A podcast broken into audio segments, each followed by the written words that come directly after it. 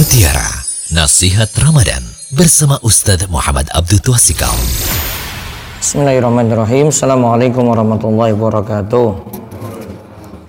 Alhamdulillah, assalatu wassalamu ala rasulillah wa ala alihi wa sahbihi wasallam. Puji syukur kita panjatkan pada Allah, salawat dan salam semoga tercurah pada Nabi besar Nabi Agung Nabi kita Muhammad sallallahu alaihi wasallam. Para jamaah sekalian yang semoga senantiasa dirahmati oleh Allah pada kesempatan kali ini pertemuan kedua dari pembahasan kita nasihat-nasihat Ramadan. Kali ini tema kita adalah puasa karena iman dan mengharap pahala. Nabi Shallallahu Alaihi Wasallam bersabda dalam hadis dari Abu Hurairah radhiyallahu anhu, hadis ini diriwayatkan oleh Imam Bukhari dan Muslim. Man soma Ramadana imanan wa ihtisaban ghufira lahu ma taqaddama min dzambi. Siapa yang berpuasa Ramadan atas dasar iman dan mengharap pahala dari Allah, maka dosanya yang telah lalu akan diampuni. Siapa yang berpuasa Ramadan atas dasar iman dan mengharap pahala dari Allah, maka dosanya yang telah lalu itu akan diampuni. Yang dimaksud puasa atas dasar iman yaitu puasa karena meyakini kewajibannya. Ya, dia lakukan puasa Ramadan karena yakini puasa Ramadan itu wajib. Kemudian disebutkan al Fathul Bari juga yang dimaksudkan ihtisaban adalah mengharap pahala dari Allah. Al-Khattabi berkata yang dimaksud ihtisab itu adalah terkait niat yaitu berpuasa dengan niat untuk mengharap balasan yaitu balasan baik dari Allah. Jika seorang berniat demikian, ia tidak akan merasa berat dan tidak akan merasa lama ketika menjalani puasa.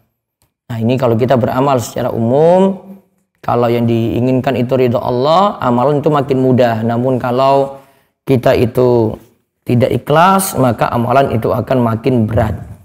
Ya, para jemaah bisa praktekkan, kita praktekkan. Kalau beramal apa pun itu ikhlas karena Allah. Kalau ikhlas karena Allah, maka amalan itu tidak akan berat dilaksanakan dan tidak terasa lama. Termasuk juga kalau kita jalani ibadah puasa.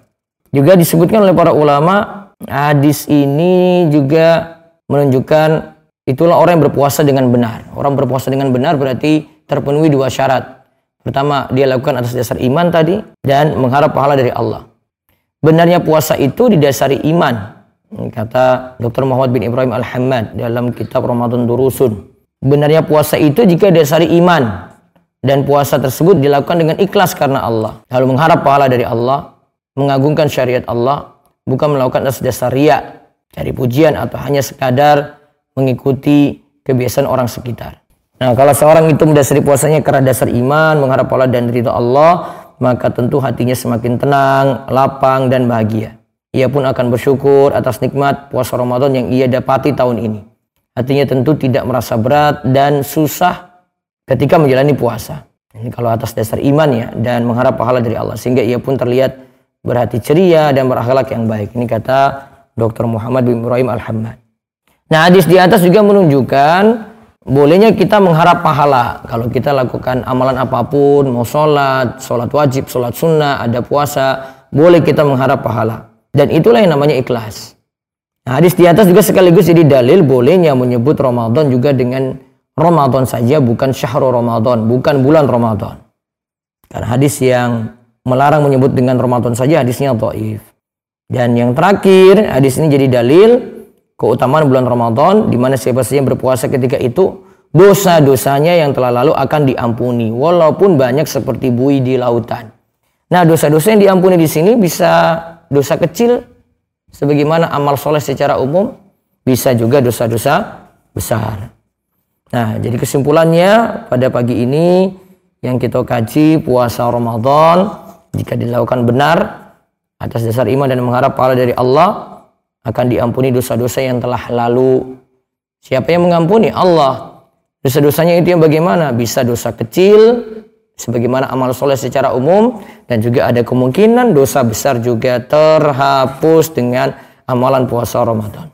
Wallahu a'lam itu yang kita kaji pada kesempatan kali ini mudah-mudahan manfaat dan Allah memberikan kebaikan kepada kita, kebaikan yang banyak untuk terus dapat keberkahan dari bulan Ramadan yang kita jalani. Demikian kita tutup dengan doa kafaratul majlis. Subhanakallahumma bihamdika asyhadu an la ilaha illa anta astaghfiruka wa atubu ilaik. Assalamualaikum warahmatullahi wabarakatuh. Demikian Mutiara Nasihat Ramadan bersama Ustaz Muhammad Abdul Tuasikal.